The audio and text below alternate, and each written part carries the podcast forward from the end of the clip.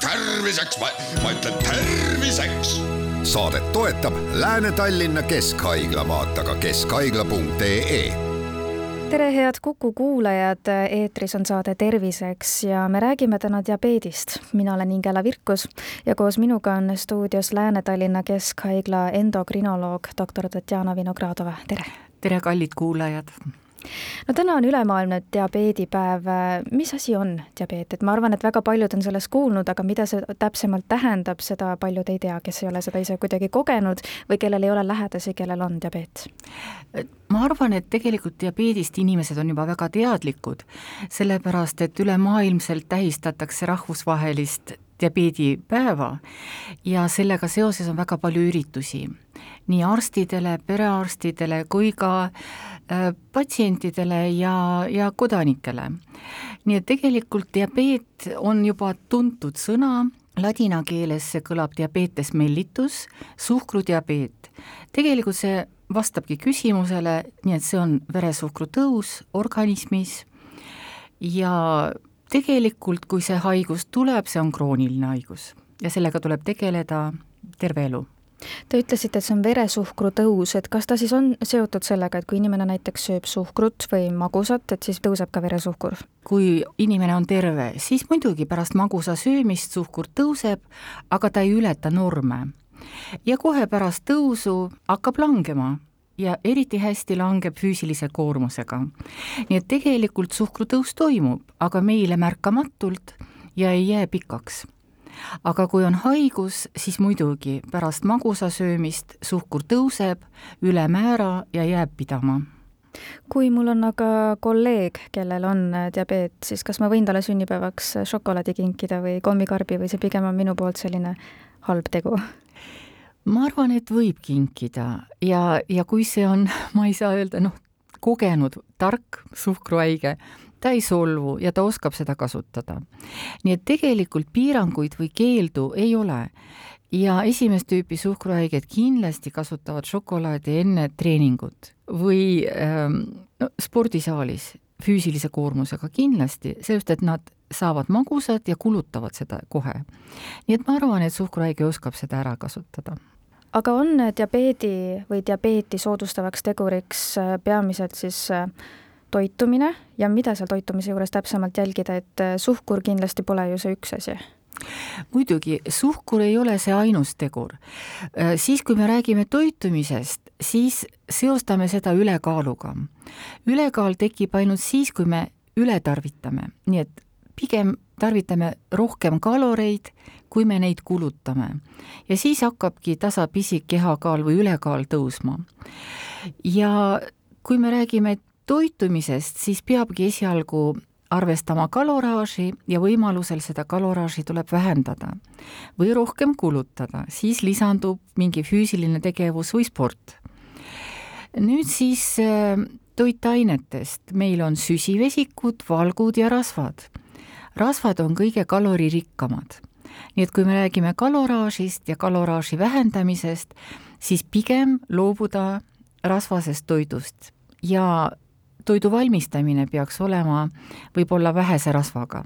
valgud on väga vajalikud organismile, valk on selline produkt, mis uuendab meie lihaseid ja, ja, ja verekoostist ja nii et valgutoit peab olema. aga süsivesikud, vot siin õpetab toitumisnõustaja, diabeediõde, kuidas valida süsivesikuid, sellepärast et süsivesikud on kiiresti omastatavad ja aeglaselt omastatavad süsivesikud. seal mängib rolli glükeemiline indeks. nii et toitained, mis on madala glükeemilise indeksiga, aeglaselt imenduvad ja aeglaselt tõstavad suhkurt ja mitte kõrgele. Ja vastupidi, kõrge glükeemilise indeksiga produktid, seal tekib kiire suh-, imendumine, kiire suhkru tõus ja patsientidel, kellel on palju insuliini, siis vastuseks tuleb ka kõrge insuliin. ja mõne aja pärast jälle nälg ja, ja söömise vajadus, see on nagu suletud ring selline nii et väga tähtis on vaadata äh, ka poes pakendite peal, milline on kaloraaž, süsivesikute, valkude ja rasvade sisaldus ja teha oma valik milline siis on näiteks terve inimese veresuhkru tase ja milline on see siis diabeetikul? Äh, terve inimese suhkrutase söömata perioodis on kuni viis koma viis ja kaks tundi pärast põhisööki alla seitsme koma kaheksa. Neid norme natuke muudetakse ja tavaliselt tehakse veel rangemaks, aga tänapäeval on selline, sellised diagnostilised kriteeriumid. kui palju meil võib olla neid eestlasi, kellel on diabeet? Tegelikult palju, ma arvan, et sellist väga täpset statistikat ei ole, aga tavaliselt ühiskonnas on kuskil seitse koma kuus protsenti suhkruhaigeid, ma ainult oletan, et Eestis võiks olla nelikümmend tuhat suhkruhaigeid ja kui me räägime pärastpoole täpsemalt diabeeditüüpidest, siis äh, paljud äh, suhkruhaiged ei teagi oma haigusest, see on avastamata sellepärast et äh, kulgeb ilma sümptomiteta.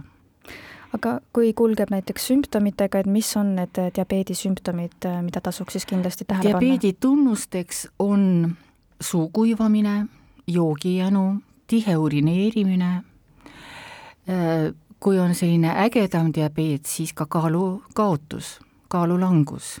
muidugi sellega kaasneb juba väsimus ja töövõimetus miks diabeet üldse tekib, et kellel selle tekkeks äh, suurem soodumus on? siin me peame rääkima ka tüüpidest. Äh, on esimest tüüpi suhkruhaigus, see on autoimmuunne haigus. Ja tavaliselt laste ja noorukite ja noorte inimeste haigus. Seal ennetustööd praktiliselt ei ole, sellepärast et kõik autoimmuunsed haigused on üpris äh, ootamatud nii inimesele kui ka arstile tegelikult. Ja antikehad äh, on kõhunäärme suhtes agressiivsed ja hävitavad tervet kõhunäärmekudet ja siis beta-rakk, see, mis toodab insuliini, saab kannatada ja ei tooda küllalt insuliini ja siis haigus algab üpris ägedalt nende sümptomitega, mis ma ütlesin. ja esimest tüüpi suhkruhaigust äh, ühiskonnas või diabeedi äh, populatsioonis põeb keskmiselt kümme-viisteist protsenti patsientidest aga enamlevinud on ikkagi teist tüüpi suhkruhaigus, see on vanemate inimeste haigus. ta saab alguse kuskil kuuekümne viie aastastel inimestel ja tavaliselt riskiteguriteks ongi vanus. siis riskiteguriteks on perekonna anamnees, siis kui on teada eh, suguvõsas lähisugulastel Äh, suhkruhaigust emal, isal, vendadel, õdedel, tädidel. seda tuleb meeles pidada ja sellepärast peakski tegema sellist ennetustööd või õigeaegset diagnostikat. siis riskiteguriks on ülekaal, meie toitumisharjumused, füüsiline aktiivsus, stressirohke elu ja veel üks äh, diabeediliik on pankreatogeenne diabeet. seal kõige suuremat rolli või sellist kahjustavat rolli mängib alkohol. nii et sellist kolm diabeediliiki on praktiliselt no, igapäevases sellises käsitluses samas räägitakse ka rasedusaegsest äh, diabeedist, et äh, mida seal tasuks siis tähele panna või kuidas see tekib? rasedusaegne diabeet äh, on kergesti jälgitav, diagnoositav, sellepärast et ta tekibki ainult raseduse ajal ja see on seotud platsendaga ja lihtsalt raseduse ajal emal tekib insuliini mittetundlikkus ja see on ajutine, see on mööduv. Muidugi äh, seda väga jälgivad naistearstid, õigel ajal suunavad toitumisnõustamisele, endokrinoloogile ja tavaliselt raseduse ajal abistajaks on insuliiniravi ja muidugi dieet, toitumise muutmine Te olete nüüd mitu korda maininud insuliini, aga mis asi see siis lõpuks ikkagi on, et eh, miks meil seda vaja on ja miks siis on nii, et osadel keha toodab seda ja osadel ei tooda? No vot, insuliin ongi kõhunäärmes betaraku produkt, äh, on hormoon, mis on eluks vajalik, ilma insuliinita elada ei saa. kui betarakk on mingil põhjusel kahjustatud, näiteks autoimmuunse protsessi tõttu, põletikulise nekrootilise protsessi tõttu või kõhunääre on hoopis eemaldatud, siis insuliini ei ole, on täielik või, või suhteline insuliini defitsiit ja inimene peab selleks, et ellu jääda, süstima insuliini. Need on haigused, mis kulgevad insuliini defitsiidiga. aga teist tüüpi suhkruhaigus, mis on seotud rohkem meie eluviisiga, tavaliselt seal kõhunäärmehaigust üldse ei olegi. ja insuliini võib isegi olla küllalt või palju. aga ülekaalulisuse foonil tekib insuliini mittetundlikkus. Ja perifeersetes kudedes insuliini mitteomastamine, mittetundmine ja seoses sellega ka glükoosi mitteomastamine. Nii et see on hoopis teise sellise, teistel põhjustel tekkiv suhkruhaigus. Me jätkame oma vestlust juba homme kell neliteist nelikümmend viis.